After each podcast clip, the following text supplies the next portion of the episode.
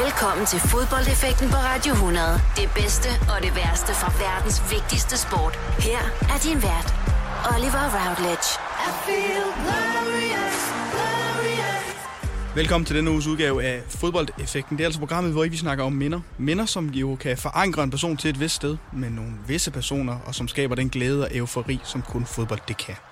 Og til at snakke om disse minder, så skal jeg til hvert program have besøg af folk, som elsker fodbold, og det har jeg igen i denne uge. Velkommen til dig, Flemming Toft. Tusind tak. Du er kommentator, og du har også taget tre minder med til, til dagens program. Var det svært for dig at holde dig til tre fodboldminder? Du har jo set mange fodboldkampe efterhånden. Ja, det var virkelig svært, det må jeg sige. Der har både været øh, plusser og minuser, mm. kan man sige, som giver øh, noget til mindebogen. Men øh, nu har jeg valgt de tre, jeg har valgt, øh, og så må jeg jo prøve, om jeg kan argumentere for dem. Er der noget specielt ved fodbold, tror du, der gør, at det er sådan en god sport til at danne minder? Ja, det øh, vil en håndbold øh, eller en cykelentusiast selvfølgelig sige, at det har de også i deres, øh, i deres gren. Men jeg tror, det har noget at gøre med, at øh, fodbold er så bredt fagnende. Mm. Altså det er alle, der på en eller anden måde er involveret i fodbold, enten ved at spille selv, eller ved at være fan, eller være tv-seer. Det, det har bare så globalt stor omfavnelse. Så, så jeg tror, det gør noget særligt fodbolden. Og inden vi hopper ned i de tre minder, du har taget med til dagens program, Flemming Toft, så vil jeg gerne lige have, at vi vender det, der er sket i Superliga. Det er den forgangne uge her. I søndag så spillede FCK en kamp øh, på Odense Stadion imod OB, hvor der blev råbt øh, homofobiske tilråb til en af deres øh, spillere, Victor Fischer. Det blev efterfulgt af Brøndby-fans på stadion i mandags imellem FC, Midt, FC Nordsjælland og Brøndby. Jeg vil gerne lige have dit syn på sagen omkring det. Så det gør vi lige, inden vi hopper ud i dine tre minder. Og så med det, så endnu en gang velkommen til denne 40. 40. udgave af fodboldeffekten her på Radio 100. Du lytter til fodboldeffekten på Radio 100 med Oliver Routledge. I denne uge af fodboldfægten er besøg af kommentator Flemming Toft. Om lidt, der dykker vi ned i det første minde, som du har valgt at tage med til dagens program, Flemming Toft. Vi skal snakke om EM92, hvor Danmark de altså spillede en spændende semifinal mod Holland, og den kamp, den skal vi snakke om lige om lidt. Men først, så vil jeg gerne lige vende det, som der er sket i Superligaen i den forgangne uge. I søndags, der spillede FCK øh, en kamp imod Odense, øh, Odense Boldklub OB, og her blev FCK's Victor Fischer udsat for homofobiske tilråb fra flere af OB's fans. En situation, som efterfølgende fik både OB og FCK til at tage afstand fra sådan et tilråb. Mandag aften, der blev Brøndby-fans dog hørt øh, på Right to Dream Park råbe homofobisk til Victor Fischer, på trods af, at det var en kamp mellem Brøndby og FC Nordsjælland. Flemming Toft, hvad er din umiddelbare reaktion på det, der er sket i Superligaen og Victor Fischer også? Øh, for det første synes jeg, det er, det, det er godt, der er kommet fokus på det øh, igen. Øh, Victor Fischer øh, stod frem meget tydeligt endda, øh, både på tv og i de trygte medier. Det er ærgerligt, at det er nødvendigt at få det frem igen. Det er jo en en ting, der er mere udbredt end, end det her, der skete søndag og mandag. Det er noget, der har foregået gennem mange år, og det har ligesom været øh, gemt lidt væk, kan man sige. Øh, nu kommer det frem igen, og desværre så synes jeg, den, øh, det har taget lidt fart. Det har også taget fart i medierne, hmm. men øh, det har taget fart øh, på stadions rundt omkring, og det er en kæmpe udfordring næste gang Brøndby møder Victor Fischer og FC København der må tages afstand fra det, og der skal sanktioneres på alle mulige måder mod de tåber, der står og råber. Det er jo lige netop det, det er en, samtidig enkelte personer, der ødelægger det for, for alle mulige andre, så dermed så er det også svært at finde de der enkelte personer, som har gjort det. Men hvad kan man, føler du, der er noget, man kan gøre, enten som DBU eller som en dommer, når der sådan en situation opstår? Jamen, det er netop det, der skal understreges, at, at øh, fangrupperingerne rundt omkring øh, i landets Superliga-klubber er jo fantastiske, og så er der nogle ganske få, som øh, træder helt ved siden af. De er svære at, at lokalisere, de er, det er svært at finde dokumentation for, at det lige netop er ham og ham, eller hende og hende, der står og, og råber de her ting. Øh, men der tror jeg, at der skal et kolossalt godt samarbejde, og det er der i forvejen mellem klubberne og deres officielle supporterklub, øh, fordi det er faktisk kun fanklubberne, der kan stå og udpege de øh, mennesker, som står og råber de her gale, gale ting. Hvad der skal sanktioneres med, øh, det ved jeg ikke. I England er man begyndt at snakke om, at man måske skal gå fra banen, hvis der kommer racistiske tilråb, mm. eller homofobiske tilråb. Øh, det tror jeg ikke er løsningen, fordi hvornår, øh, hvordan administrerer man det? Men øh, personsanktioner kunne være en god idé, ja. og det er det, man skal prøve at komme frem til. Nu nævner du selv England og, og, og de racistiske tilråb. Det blev jo intensiveret under deres øh, VM, øh, EM-kvalifikationskamp imod Montenegro i Montenegro, hvor de altså blev udsat for de her øh, racistiske tilråb. Og man, man kan jo sige, at nu du og jeg har også været på mange fodboldstadioner, at der sker måske noget andet i, i, i ens personlighed, når man er på et fodboldstadion. Jeg kan da også heller ikke sige for mig, at jeg også har råbt ting af en dommer, for eksempel. Men det er vel ikke en undskyldning i den lange ende, at man er en anden person, når man er på et fodboldstadion, end man er uden for et fodboldstadion.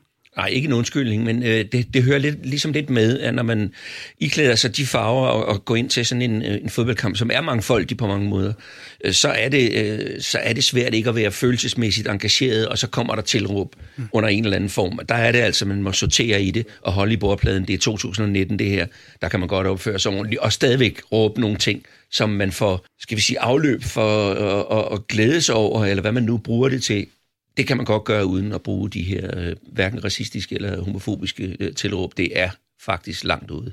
Det er meget langt ude, og det bliver spændende at se, hvad der kommer til at ske i den øh, kommende tid omkring alt det her. I hvert fald så handler det her program om fodboldminder, og det er lige præcis det, som vi skal snakke om om et øjeblik. Det første minde, Flemming Toft, det er jo som sagt EM92 semifinalen, hvor Danmark de spiller imod Holland. Og den kamp, den snakker vi altså om lige om lidt. Fodboldeffekten på Radio 100. I denne uges udgave af Fodboldeffekten er besøg af dig, Flemming Kloft, kommentator for TV2. Og det første minde, som du har valgt at tage med, det er semifinalkampen mellem Danmark og Holland. EM 1992, en kamp, som ender ja, 2-2 i ordinær spilletid, og så vinder vi, har jeg lyst til at sige, når det er efterfølgende på, øh, på konkurrence. Flemming Kloft, hvorfor skal vi øh, snakke om den her kamp, og hvorfor du tager det med som et minde? Jeg synes, det er, for mig er det en uh, tatovering, som uh, ikke skal væk. Ja. Fordi... Uh, Altså dels så, så hele den historie, eventyret omkring øh, EM92, og øh, Danmark bliver europamestre. Men jeg synes, semifinalen havde alt meget mere end finalen. Finalens øh, højdepunkt for mig, det var, da dommeren fløjtede af. Mm. Semifinalen, den havde fuldstændig alt mod et hollandsk hold, som var forsvarende europamestre, med utrolig mange stjerner på. Øh, Van Basten, Ruud Gullit, øh, Rijkaard, øh, Koeman, øh, Øh, Dennis Bergkamp, det var simpelthen et superhold, de kom med. Og så det her danske hold, som var trængt på mange måder, ikke veltrænet, øh, toptrænet til en EM-slutrunde. Øh, de havde mange skader, øh, de havde store problemer med at, jeg næsten lige vil sige, start, finde en startelver, og øh, et hold, som i den grad var kommet igennem den her turnering til alles store overraskelse på den måde, de var fantastisk øh, semifinale. Det var jo alle store overraskelse, men var det også din store overraskelse? Har du gjort dig nogen forhåbning om et dansk avancement inden den her semifinale kamp mod Holland? Nu nævner du de store stjerner, der er altså, og endda så, og man kan jo blive ved, du nævner mange, men der er også en, en Frank de Boer på holdet. Altså, der er så mange stjerner på det her hollandske hold. Har du nogen forventning om, at Danmark ville kunne gå ud og få et, ja, bare et resultat imod Holland? Absolut ikke. Øh, slet ikke... Øh med omstændighederne taget i betragtning, men man kan så omvendt sige, at de lagde jo på fra kamp til kamp i øh, den turnering der øh, på en måde, som, som overraskede også de andre nationer. Fordi de var jo lidt arrogante over for det her danske hold. Øh, jeg, specielt kan jeg huske Michel Platini, der var træner for det franske hold. Jamen han, han stod i sådan en øh, modefrakke og, og lænede sig op af udskiftningsboksen øh, under hele kampen, øh, da Danmark slog Frankrig og, og kom videre til den her semifinal. Mm. Fordi han tænkte, det her, det, det ordner spillerne selv, det behøver jeg ikke blande mig ret meget i. Men det kunne de ikke, og det kunne hollænderne så heller ikke da det kom til stykket, øh, selvom øh, vi spillede lige op med dem i den ordinære kamp. Du har set rigtig mange fodboldkampe, Flemming Toft, ikke mindst landskampe i løbet af din karriere som, som tv-kommentator. Hvordan rangerer du EM92 i forhold til alt andet, du har kommenteret?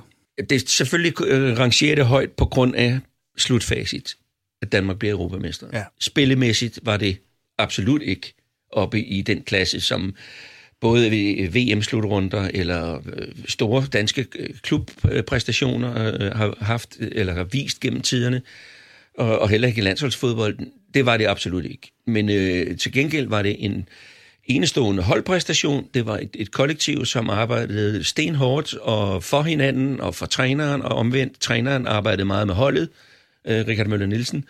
Og så blomstrede der lige nogle enkelte op, som fik deres øh, livs gennembrud, kan man sige, i, i 92. Henrik Andersen øh, var en af dem, der fik øh, det helt store gennembrud. Henrik Larsen fik mm. et stort gennembrud, kan man sige. Skår to mål i den her kamp. Ja, og Brian Laudrup øh, faktisk også i en ny rolle, fordi han var også lige pludselig arbejdsmand. Han var ikke kun øh, den her øh, sådan lidt fitterede boldspiller, men han skulle også arbejde for holdet, og det gjorde han i, i den periode. Så der var så mange ting, der gik op i en højere enhed, så på den måde var det stort rent boldmæssigt var det ikke så stort. Nu kan man sige, at Danmark, vi kender jo historien bag EM92, hvordan det er, at vi kommer med. Altså Jugoslavien får ikke lov til at være med, så er det lige pludselig Danmark, der skal ind, og man siger, Richard Møller Nielsen skal lige pludselig samle et hold. Men det må også være anderledes for dig, ellers havde du allerede fået at vide, at du skulle til Sverige og komme til EM92, eller må du også lige pludselig afsted, fordi nu er Danmark med? Nej, jeg skulle til uh, Sverige under alle omstændigheder okay. sammen med Prem Elke og lave de uh, EM-slutrunden for TV2. Men uh, det var så noget med at tage afsted forholdsvis tæt på uh, starten i, øh, i Malmø. Øh, så jeg var på ferie med min familie i Grækenland, og bliver så pludselig øh, øh kontaktet og får at vide, at øh, Danmark er kommet med på bekostning af Jugoslavien. Øh, så vi måtte øh, haste hjem og jeg måtte pakke kufferten, og vi tog så båden, øh, Brem og jeg, over til Malmø, og tænkte, nu tager vi den første kamp, så tager vi tilbage igen med båden, så kan vi tage over til kamp nummer to. Og det gjorde vi så, og så kunne vi så godt mærke, at oh, nu blev det lidt større, så vi efterhånden blev derovre øh, undervejs øh, i turneringen her. Men det var en kæmpe overraskelse, selvfølgelig også for os at pludselig skulle dække Danmark i en slutrunde. Ja. Det er jo, EM er stort i sig selv, en EM-slutrunde, men med Danmark er det jo mega stort. Nu kan man også sige, at det her slutrunde er jo også en slutrunde, hvor at der er øh, to, der er grupper, og så rører man direkte til semifinalen, som der er i, faktum med den her kamp. Den næste EM, der kommer i 2020, er jo med væsentligt flere hold. Hvad er din holdning til det? Altså, synes du, der var mere charme over et EM i 92, hvor der var knap så mange hold med? Eller er det federe i 2020, hvor man også kaster holdene rundt omkring i Europa for at spille kampene? Altså, hvad, hvad synes du omkring det? Altså, det har jo det har været sin charme, kan man sige. Altså, selvfølgelig var det forholdsvis nemt, det her EM, øh, bortset fra modstanderne, fordi mm. Danmark er jo altså op imod både forsvarende europamester og verdensmester. Men, men øh, kort vej til at komme til øh, en, en finale, kan man sige hvor, hvor jeg synes, den er måske lidt for, øh, det bliver for langt nu her, og nu prøver de også at udvide øh, VM-slutrunden, og det bliver for voldsomt, det er for mange hold, og så bliver det for mange ligegyldige kampe, øh, og så er det næsten så er det næsten ved at udvande sig selv. Så jeg synes, man skulle have en, en kombination af de her to. Øh, hold den nede på, at det er de bedste, der er med, absolut. Vi får altså for mange øh, hold uden kvalitet til de næste slutrunder et landshold i 1992, der også var, øh, der også var anført og, og uh, ude på sidelinjen i hvert fald, undskyld, af, af Richard Møller Nielsen. En mand, som jo ikke just var lige populær rundt omkring i landet på det her, øh, på det her tidspunkt. Du er kommentator, Flemming Toff, på det tidspunkt. Skulle du også holde dig kritisk til Richard Møller Nielsen? Var du sikker på, at han var den rigtige mand for Danmark på det her tidspunkt? Man kan sige, hans legende står jo soleklart, og altså, han er, han er stjernestatus i Danmark nu. Men her i 92, der var det jo en anden sag, lige indtil vi altså finder EM. Hvad var dit syn på Richard Møller Nielsen som dansk landstræner her tilbage i 1992? Uanset hvad øh, og hvem, så skal man jo altid være kritisk, øh, når man er i den rolle, som jeg for eksempel er i.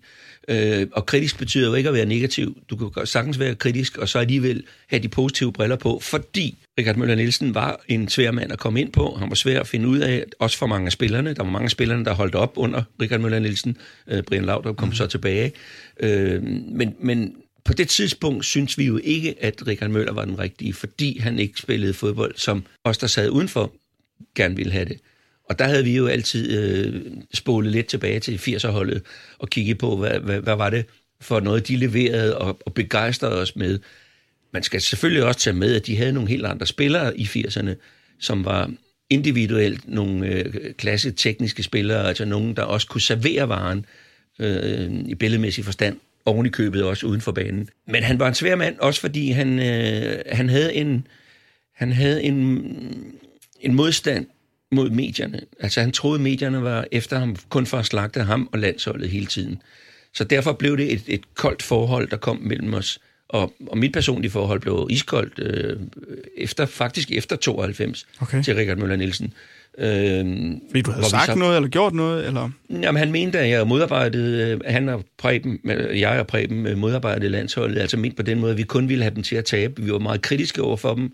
Øh, og det havde, var specielt omkring den jugoslavisk kamp, der var i, øh, i parken inden, hvor Danmark tabte. Den mm. sidste kamp i, i København Tiders Park, den gamle. Øh, og der, der det var det ligesom om, at han huskede meget det kritik, han fik der, og den tog han med, og den gjorde han meget personligt på Preben og jeg. Okay. Og specielt øh, havde jeg et, et skidt forhold til ham i, i lang tid, fordi han troede, jeg modarbejdede ham personligt. Øh, det endte så med, inden han øh, gik bort, at vi nåede at fortalt ud om det, og, og fik faktisk øh, en okay snak øh, ud af det. Men det var en, han var svær Og omvendt tror jeg, han synes, at jeg var svær. Hmm. Synes du, det tager noget af, man kan sige, det er fantastisk, at Danmark de vinder EM 92, men tager det noget af det, at man ikke vinder med den spillestil, som man har været vant til op igennem 80'erne? Det, det, der vil altid sidde noget kritik øh, af det, at det var sgu ikke så underholdende, og alt det her pjat. Og der var mange tilbagelægninger. Dengang måtte man lægge tilbage til målmanden, og jeg tror, Peter Smeichel, han havde den øh, mere end mange markspillerne, fordi der blev spillet skråt bagud. Men det rører jo ikke ved, at når man kigger, så er det resultaterne, der tæller, og der er ikke så meget andet at sige uanset hvordan de er kommet frem øh, i dagens lys, så er det resultatet, at et landshold bliver målt på. Og den begejstring, der var i hele Danmark, og specielt selvfølgelig i København, den var jo ikke båret af, om, om holdet spillede godt underholdende eller hvad. Den var båret af, at de vandt. Ja, man husker, at man vinder ikke så meget, hvordan, man, øh, hvordan det ser ud, når man vinder, når det er, man vinder. Lige så præcis. Jeg går ikke af dig, Suli Flemming Toff, snakker mere om 92, uden at lige at få nævnt Hudli Hud. Var det planlagt? Det var ikke planlagt, Det var ikke nej. planlagt. Absolut Det røg ud af dig. Hvis det havde været planlagt, tror jeg, det havde været, det havde været pinligt. Jamen, det er dejligt. Det første minde, du har taget med i fodboldeffekten Flemming Toft. Altså Danmark, England, Danmark Holland, undskyld, til EM-semifinalen i 1992, som ender 2-2. Vi går videre på straffesparkskonkurrence. En straffesparkskonkurrence er jo i øvrigt, hvis vi lige skal, skal vende den hurtigt, hvor vi altså lige pludselig er stærke. Havde du forventninger til, nu kan alt jo ske i en straffesparkskonkurrence, Flemming Toft, men havde du forventninger om, at vi skulle at være overlegne på, på straffesparkene i forhold til Holland med de stjernespillere, de har? Det mest overraskende var så iskolde øh, den danske landshold, øh, de spillere, der skulle sparke straffesparkene, egentlig var. Mm. De var faktisk fornærmende kolde. Altså, de burde have været mere nervøse, end det vi egentlig så, og fordi de var øh, de små, kan man sige. Men nu havde de vist i den ordinære kamp, og ekstra spilletid, at de spillede lige op med et så stærkt hold som hollænderne. Så de lå sig ikke imponere af noget som helst, og heller ikke af omgivelserne, og heller ikke af kendskærningen af, at de spillede for at komme i en finale, eller sparke straffespark for at komme i en finale. Det synes jeg var det mest imponerende. De var hammerne kolde. Det var landskamp i 1992, og der skal vi til det andet minde, du har taget med, Flemming Toft. Det er en kamp, der foregår inde i den nye parken, som altså ligger på Østerbro i København. En kamp imellem Danmark og Sverige. En meget øh, omtalsfuld kamp, og vi skal lige have vendt, hvorfor du har valgt at tage den kamp med som et minde om et øjeblik. Fodboldeffekten på Radio 100. De største og de værste øjeblikke i fodboldhistorien. Du lytter til fodboldeffekten her på Radio 100 i denne uge med besøg af kommentator Flemming Toft. Og vi skal op fra EM-semifinalen i 92 til en anden landskamp, som mange danske fans nok også husker. Det er landskampen i 2007 mellem Danmark og Sverige. En kamp, der bliver afbrudt, da der står 3-3, efter Danmark faktisk har været bagud, bagud 3-0, øhm, og ender altså øh, ender, ender med at blive taber dem 3-0. Flemming Toft, hvorfor skal vi snakke øh, om den her øh, kamp? Fordi det er jo ikke ligefrem et lyspunkt i dansk landsholds historie. Nej, men det var en øh, fodboldkamp, som igen havde det hele. Den havde drama, den havde skandale, den havde godt fodboldspil fra begge sider.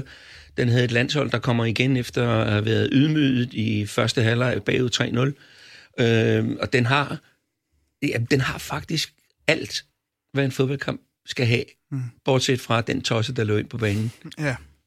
Det er jo en tosser, der, der, der løber ind på banen, og han er også blevet døbt øh, fodboldtossen. Den starter jo forfærdeligt, kan vi sige. Vi formår alligevel at komme til, tilbage for, på 3-3. Hvordan husker du sådan kampforløbet for den her kamp, Flemming Toft? Jamen, første halvleg, jeg kommenterede den sammen med Jan Mølby. Første halvleg, den der vi, øh, krummer vi virkelig til, fordi det er dansk landshold, der bliver spillet baglæns ud af parken. Mm. Øh, de bagud 3-0, de bliver ydmyget på alle lederkanter, de er helt nede i sækken. Øh, øh, og Johan Elmander kører rundt med det danske forsvar, øh, Brøndbys øh, Johan Elmander.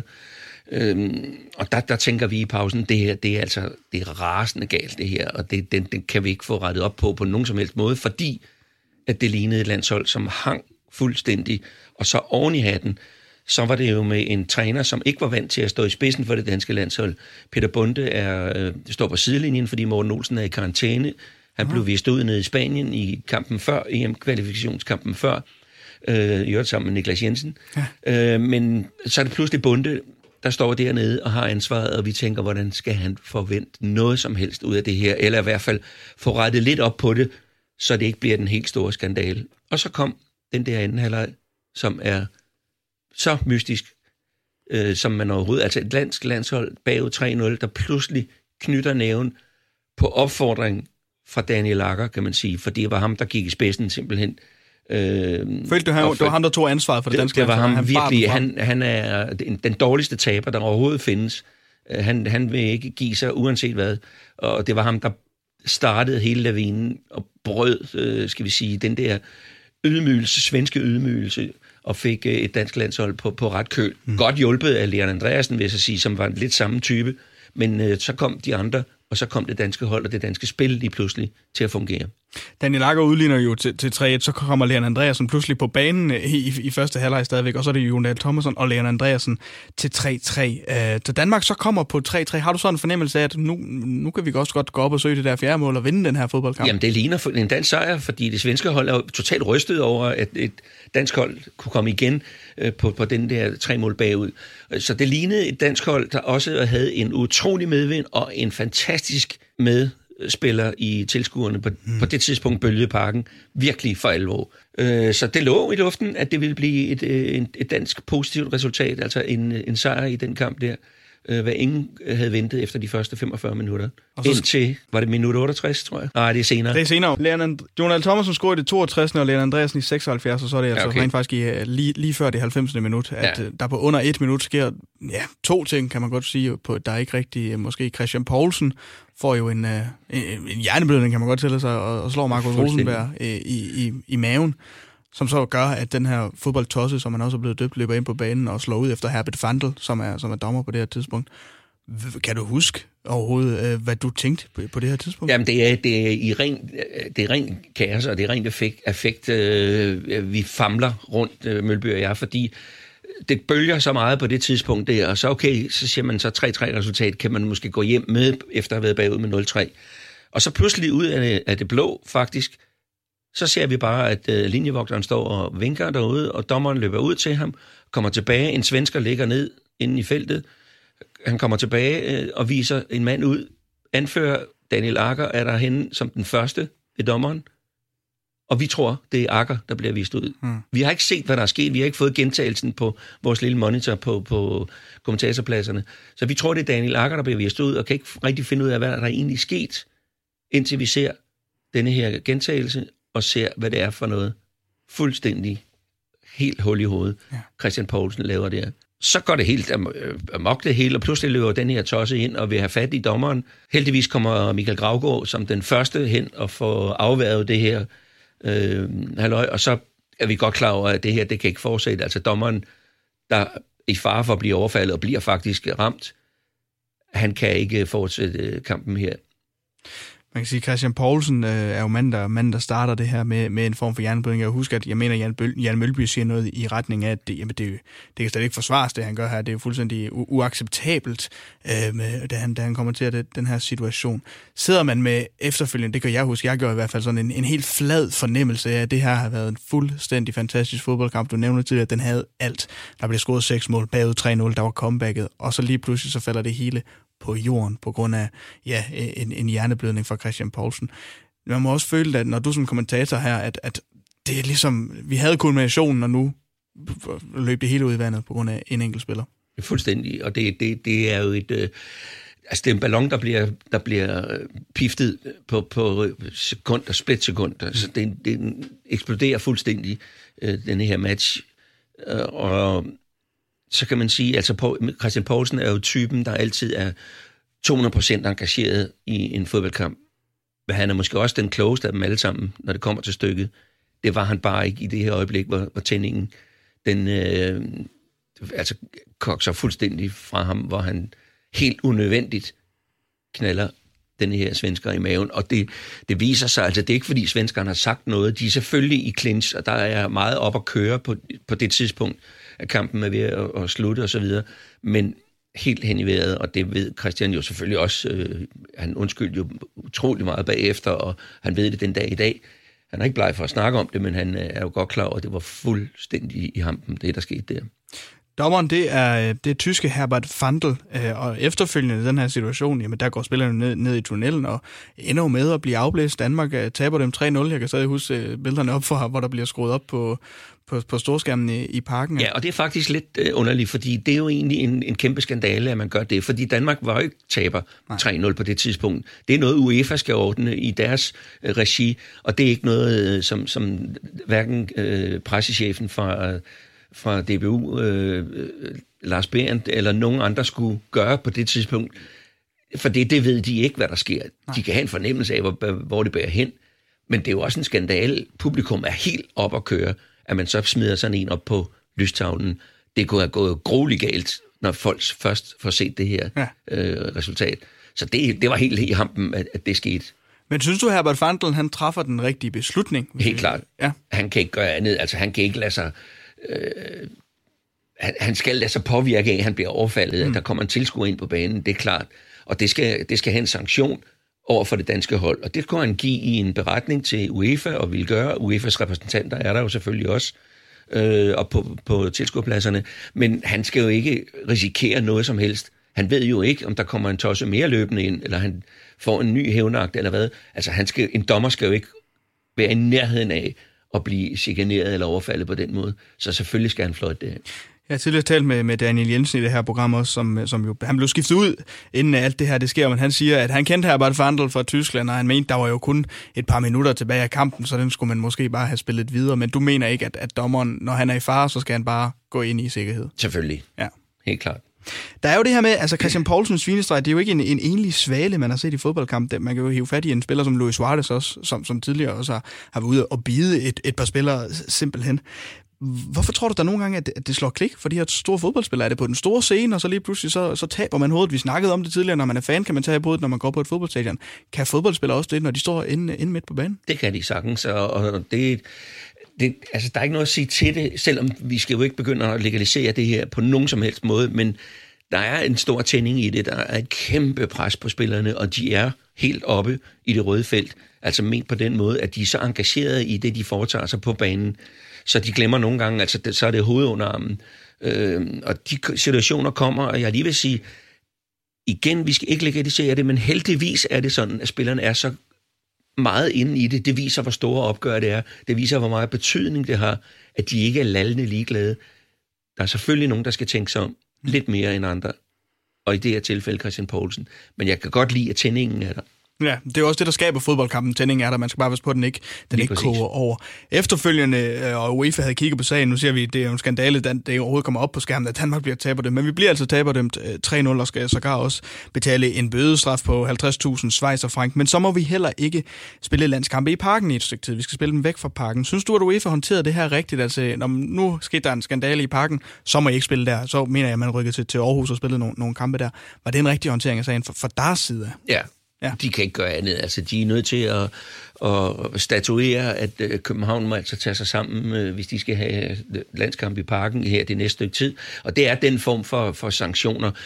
Jeg vil ikke sige, altså bøden er jo ikke noget særligt i bund og grund. Det, der er det mest ærgerlige for, for dansk fodbold, var jo selvfølgelig, at vi tabte den kamp, bliver dømt som taber, og ikke kommer med til EM-slutrunden. Ikke lige kun på grund af den kamp, men det havde givet os nogle flere muligheder i hvert fald, og det kostede mange penge, at Danmark ikke kommer til en slutrunde. Men man er nødt til at sige, nu får I altså lige øh, en to-tre kampes pause i, øh, i parken, fordi parken og København må finde ud af, øh, hvordan vi håndterer det her fremover. Og der var jo også meget kritik af kontrollørkorpset i parken. Altså, hvorfor træder de ikke ind? Øh, hvorfor øh, får sådan en mand lov at løbe på banen her, uanset... Selvfølgelig kan det ske, at der er en mand, der løber på banen, øh, selvom der er, er, er mange øh, sikkerhedsfolk eller kontrollører. Og jeg tror faktisk, at det var efter den kamp, så blev det dikteret, at de her øh, sikkerhedsfolk eller kontrollører, de skal sidde med ryggen til banen under hele kampen. Ja. Du har kommenteret landsholdet i mange år, Flemming Toft, og fulgt med med, hvad der sker på det danske landshold. Er det her det største lavpunkt for det danske landshold nogensinde, den her kamp? Ja, det er den største skandale, det tror jeg vist roligt, man kan sige, øh, netop fordi, at vi ikke har været vant til baneløbere. Vi har så sandelig heller ikke været vant til en øh, forholdsvis rutineret spiller knaller en modstander i maven med en knytnæve. Men det kan ske, øh, og vi har jo set i en, selv i en VM-finale, har vi set en øh, tabe hovedet fuldstændig og nikke en modstander en maveskalle, øh, Zidane i mm. 2006. Så selvfølgelig kan det ske, men jeg tror nok, at øh, dansk fodbold har jo ikke ry for at lave den slags, så derfor vil det nok være den største skandale. Christian Poulsen rejser sig jo efterfølgende, altså man kan sige, at han, han er ude og undskylde, men det er heller ikke det sidste, han spiller på det danske landshold, det her kampe. Havde han skulle, skulle han bevise noget efterfølgende over for det, det, det danske landshold, men også for den danske befolkning, at han rent faktisk støttede op om Danmark, og han var der for Danmark, altså når, når det var, han, han, han han havde noget ekstra bevis i forhold til de andre spillere efter den her kamp. Ja, jeg tror nok, at alle var klar over, at han altid har spillet for Danmark, med på den måde, altså har haft hjertet med i mm. at spille for Danmark, fordi han har været så utrolig engageret, øh, som de fleste vil lære, når de spiller på landsholdet. Men han skulle også bevise noget over for Morten Olsen, for Morten Olsen tog virkelig afstand fra det her, og, og svinede faktisk Christian Poulsen til bagefter. Øh, Christian var med inde i omklædningsrummet, øh, og dagen efter, da de samledes igen, eller var samlet landsholdet, hvorefter han rejste hjem, Øh, han spillede vist i Spanien på det tidspunkt. Og han øh, skulle ikke være med selvfølgelig, han havde fået karantæne, så det var om sådan, han blev i lejren, men han var lige med inden og fik den næsten offentlige skidevalg fra Morten Olsen. Og han skulle så også bevise over for Morten, at han at det var en engangsforestilling, kan man ja. sige, fra Christian Poulsens side. Det var altså det andet minde, du havde taget med til dagens program Flemming Toff landskampen i 2007 mellem Danmark og Sverige. En kamp, hvor der stod 3-3, men hvor Danmark altså endte med at blive taberdømt. Om lidt så skal vi videre til det tredje minde. Vi skal snakke om VM-semifinalen i 2014. En kamp mellem Tyskland og Brasilien. En semifinal, hvor vi vist godt kan tillade os at sige, at Tyskland var overlegne. Vi snakker meget mere om den kamp lige om lidt her i Fodboldeffekten. Fodboldeffekten på Radio 100. Der er altid noget, man husker. Fodboldeffekten her på Radio 100 i dag med besøg af kommentator Flemming Toft. Og vi skal snakke om det tredje sidste minde, som du har taget med til dagens program, Flemming Toft. Det er en VM-semifinal i 2014 mellem Tyskland og Brasilien. En kamp, som Tyskland jo ender med at vinde hele 7-1. Øh, en mål, der har en kamp, der har mange ting i sig og mange kampe i kampen. Men hvorfor har du valgt at tage den her øh, kamp med? Øh, fordi det var følelsesmæssigt så stærk en oplevelse at sidde og kommentere den i øh, Belo Horizonte øh, da Brasilien og det brasilianske folk gik fuldstændig ned og gik grædende rundt efter kampen. De har øh, en gul trøje, som alle går med omkring det brasilianske landshold, og det hele Brasilien kogte på det tidspunkt, fordi de havde VM-slutrunden. Øh, derfor gik alle rundt i gule trøjer, og den gule trøje er større end flaget i Brasilien, ja. fordi den identificerer fodboldglæden og det brasilianske landshold. Og her blev den altså trukket af dem simpelthen. Nogle brændte den øh, oven i købet efterfølgende. Den betød så meget for dem. Så det er mere oplevelsen omkring hele Brasiliens oplevelse af den her fodboldkamp, end det er 7-1-sejren? Det er øh, nedslagningen af, af den gule trøje, sådan ja. jeg sige det, øh, som følelsesmæssigt var så stærk en oplevelse. Spillerne gik grædende, det var verdensstjerner, der gik grædende fra banen. Og som sagt, brasilianerne smed den gule trøje. Da vi kørte fra hotellet dagen efter Belo Horizonte til øh, lufthavnen, øh, der var tre kvarters kørsel, der så vi en gul trøje. Resten var væk, gravet ned, eller brændt, eller bare gemt væk. Hvad, er, øh, hvad siger det måske også om, om Brasilien som en nation og fodboldnation? Fordi det er jo, der er ingen tvivl om, de havde glædet sig umanerligt meget til det her VM, som der altså foregår i, i 2014. Og Brasilien var også udråbt til, at nu er der VM på hjemmebane, nu skal vi altså ud og, ud og, ud og være, være rigtig gode. Neymar øh, spiller så ikke i den her kamp, jeg mener, var, var han skadet han var skadet, til. Ja. Øhm, men at man så går ud og får sådan en nedslagning af Tyskland, som jo jo jo vidste også er, et rigtig godt hold, og der var ingen tvivl om, at det ville blive en tæt kamp for dem. Men efterfølgende, at man er, der, må, der er jo en enorm nationalfølelse, som jeg har svært ved at sammenligne med noget, der er her hjemme i Danmark. Og det må også være det, der kulminerede for alle brasilianerne, at man taber på den måde, som man ryger ud på. Jamen altså, fodbold er en stor del af livet, for nogle af det hele livet øh, i Brasilien. Og øh, alle spiller fodbold, alle spiller alle steder. Det er ligegyldigt, hvor man er, om det er de fattigste områder, om det er i favelaerne, om det er på stranden. De spiller fodbold alle steder, og de spiller med alt. De kan spille med en læderbold, dem der har råd til det. De kan spille med en tøjklump, dem der øh, må nøjes med det, kan man sige. Og det betyder så sindssygt meget for dem. Der er virkelig et bankende hjerte kun for fodbold. Øh, så det er med stolthed, at de havde den her slutrunde, men man kunne også en eller anden, et eller andet sted også fornemme på øh, de brasilianske spillere, da de går ind på banen, at de var mærket af at spille en semifinal. Det var et sindssygt pres, der var på dem at skulle spille en semifinal. Selvfølgelig var de jo glade for, at de kun skulle række en arm ud, så havde de været i finalen. Altså så tæt på var de jo med en semifinal. Men de var presset, da de gik ind. Det kunne man se på ansigterne, da vi så nærbillederne. Sad vi og kiggede på hinanden og kunne se, at det var virkelig et pres. Og Brasilien skulle også leve med et andet pres, at Brasilien og Spanien er de eneste VM-vindere gennem tiderne, der aldrig har vundet VM på deres egen bane, altså når de har haft VM-slutrunder. Aha, ja. Og det var også det, som man snakkede meget om historisk, at det skal altså ske nu, og derfor var presset enormt på de her gutter presset var enormt på de, på de spillere der, og måske også for meget, kan man sige, efterfølgende. Men, men når man kigger ned ad truppen, som Brasilien har på det her tidspunkt, jamen der, der er jo mange gode spillere, altså David Luiz, Julio Cesar på mål, Dante Marcelo, Luis Gustavo, Fernandinho, Oscar, Hulk og Fred. Og så mangler man jo muligvis den vigtigste spiller af dem alle sammen, en skadet Neymar på det her tidspunkt.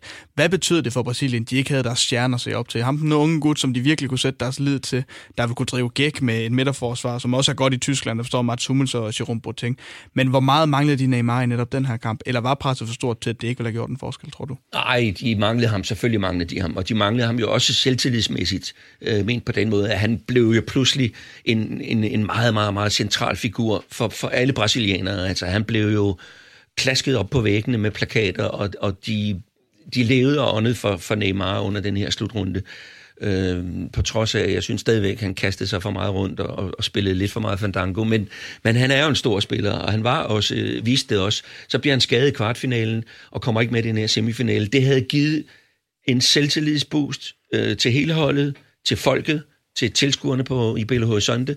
Og det havde selvfølgelig også gjort øh, noget ved den øh, tyske taktik formentlig, hvis Neymar havde været med. Ja, det havde det mm. øh, muligvis. Men, men øh, men presset var, var bare så stort øh, stadigvæk. Selvfølgelig havde han kunne gøre en forskel. Jeg tror bare ikke, han, han kunne have leveret øh, på det tidspunkt, fordi det var et, det var et stil af der røg ned på, på, på et øjeblik, og, og det så vakkelvognt ud, da det gik på banen modstanderholdet, altså, altså Tyskland, de, de spiller blandt andet, hvis vi tager deres kamp, en, en uafgjort mod Ghana, vender knebent over USA i, i gruppespillet, så det er ikke fordi, de virkelig var overbevisende i deres præstationer ved det her VM. Hvor meget var I også selv overrasket over? Nu siger det, I, I synes, at brasilianerne så nervøse ud, men de er foran 5-0 efter 29 minutter Tyskland. Altså, hvor meget var du også som kommentator overrasket over den start, som de kom ud med? Jamen, vi, er, vi, er, vi er fuldstændig i chok jo, for de laver, øh, de laver fire mål på 6 minutter i, i første halvleg, og, og det har man aldrig set før. Mm. Og det, det, virke, det var virkelig uvirkeligt, fordi der stod brasilianere, hvis ikke de lå ned, men de stod ikke i nærheden af tyskerne på noget tidspunkt, og de scorede bare på alt tyskerne, og de var, de var jo faktisk også lidt rystet selv tyskerne over øh, det, der skete. Jeg så et interview bagefter med, med den tyske træner, landstræner, han, han, han sagde, at øh, jeg spurgte min assistent på et tidspunkt, er det rigtigt det her? For jeg, jeg kan ikke rigtig følge med.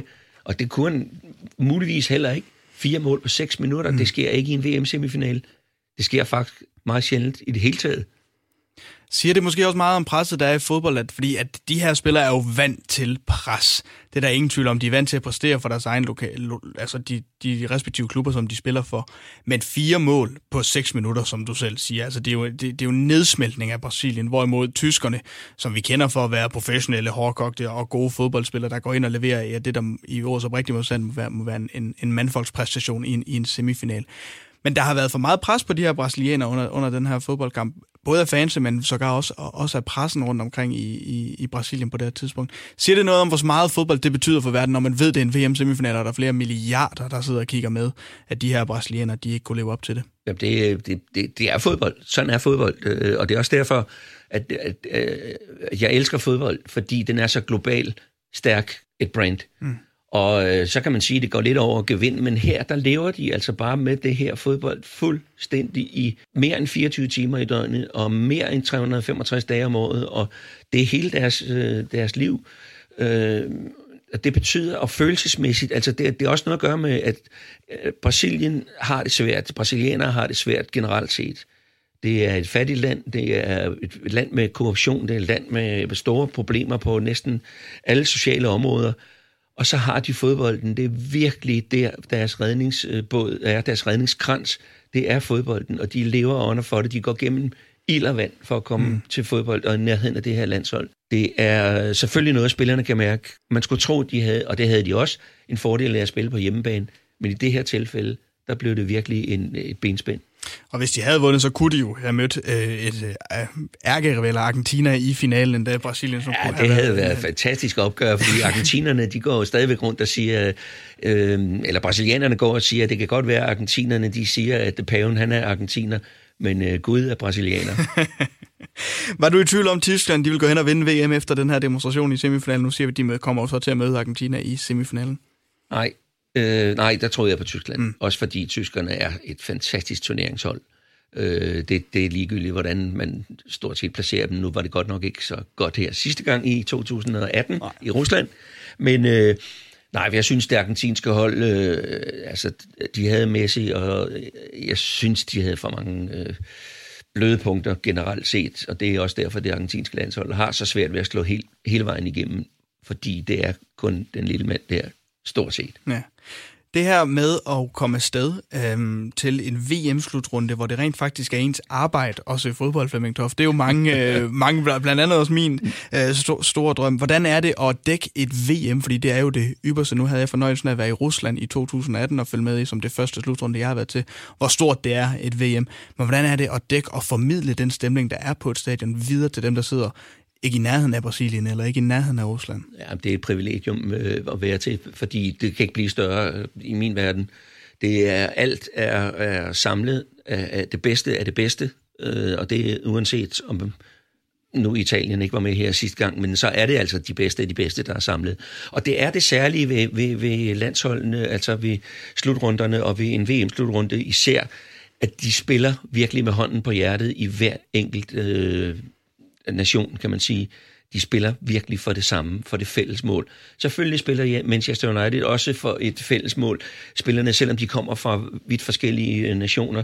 Men her har vi dem altså samlet, hvor de spiller for fladet, og det, det er det, jeg synes, der er så fantastisk. Og så er det også fordi, at alles øjne er fokuseret på en VM i fodbold. Mm. Det bliver bare ikke større. Det er en fantastisk øh, ting, øh, hver gang der er VM i fodbold. Og man kan sige, at det her VM i 2014 for mig, noget som jeg også går op i, det er, at det bliver holdt i et land, som vi også selv har snakket om her, hvor fodbold er alt. Fodbold er så meget i Brasilien. Der er korruption, som vi siger, der er økonomiske problemer, men man har altid fodbolden at falde tilbage på. VM i 2018 i Rusland. Der, Rusland. der er også fodbold i Rusland, men det er ikke det største, man har derovre. Det er ikke det fedeste. Hvad synes du, der gør øh, en VM-slutrunde, eller synes du, det gør en VM-slutrunde mere speciel, at det også er at finde i et land, hvor fodbold betyder en hel del, og hvor man har en fodboldkultur? Det er helt sikkert, og det synes jeg er, er vigtigt fremover, at man øh, holder det i de lande, hvor, hvor, hvor der er en særlig kultur. Altså, man skal også passe på, at man ikke bliver sådan lidt for social med på den måde, at Nå, men de her lande skal også have lov til at arrangere, så får vi fodbolden øh, gjort endnu mere global, mm. øh, hvis vi smider det til en af de her olielande øh, nu næste gang stort set, øh, der skal være VM. Altså hold det nu i de lande, som både kan håndtere det, men også kan håndtere det i forhold til publikum, altså det hjemlige. Øh, og der er England, Tyskland, i det her tilfælde Brasilien jo øh, oplagte som øh, værtsnationer. Jeg synes, det hører hjemme der, hvor fodbolden virkelig har rødder. Hmm. Hvis vi lige skal slutte snakken om, om Tyskland og det her VM i 2014, så ser jeg rent faktisk den her kamp i Tyskland, og er måske på den modsatte side af det, som du oplever med skuffelsen fra brasilianerne, så mod, oplever jeg euforien fra tyskerne omkring, omkring den her sejr. Men noget specielt, som det tyske fodboldforbund har gjort, det var, at de har valgt at investere i en kæmpe millionby, øh, i, at, i at bygge sit helt eget VM-lejr i en brasiliansk by, der hedder Bahia. Tror du, det var en faktor, der gjorde, at de vandt VM? Den her by, som Tyskland simpelthen havde bygget op for at levere til VM? Jamen, de er jo gode til altid at, at, at få det organiseret, og så er det næsten på uanset hvilket plan. Og det er jo derfor, det er et fantastisk turneringshold, øh, det tyske, øh, fordi de er, de er bare, jeg vil ikke sige, at de er født med det, men de, det ligger bare til dem. De er, de er så gennemstruktureret øh, på, på alle ledere kanter, så, så øh, det der med bare at, bare i godsøjne, at finde spillerne, det er næsten det sidste problem for dem, fordi alt andet, det fungerer bare altid, mm. og det er derfor, de er så stærke i de her slutrunder. Er det her en af de største overraskelser, du har oplevet på, på landsholdsplan? Altså man kan sige, der er selvfølgelig de her kampe, hvor de store hold møder et San Marino øh, eller Andorra, men at Tyskland slår Brasilien 7-1, er det den største overraskelse, som du har været med til at kommentere? Jeg tror, det er den, øh, den, den største, øh, altså sådan, hvad skal man sige, sådan resultatmæssige overraskelse, at det skete, at det skete så, så, du kaldte det selv nedsmeltning af det brasilianske hold, mm. og det brasilianske folk, vil jeg sige, øh, i en VM-semifinale. Det tror jeg ikke, det, det, det kommer ikke til at ske igen. Det på hjemmebane endda. Det var altså det tredje minde, som du har taget med her i fodboldeffekten Flemming Toff. VM-semifinalkampen mellem Tyskland og Brasilien. En, Tyskland vandt, en kamp, som Tyskland altså vandt med hele 7-1 over værtsnationen. Du lytter til fodboldeffekten på Radio 100 med Oliver Routledge. Med de tre minder, Flemming Toft, altså semifinalen i 1992 mellem Danmark og Holland til Danmark, skandalekamp imod Sverige i 2007 og Tyskland-Brasilien til VM-semifinalen i 2014. Så er vi nået til vejs ende med den uges udgave af Fodboldeffekten. Tusind tak for dit besøg, Flemming Toft. Det var simpelthen hyggeligt. Fodboldeffekten på Radio 100. Der er altid noget, man husker.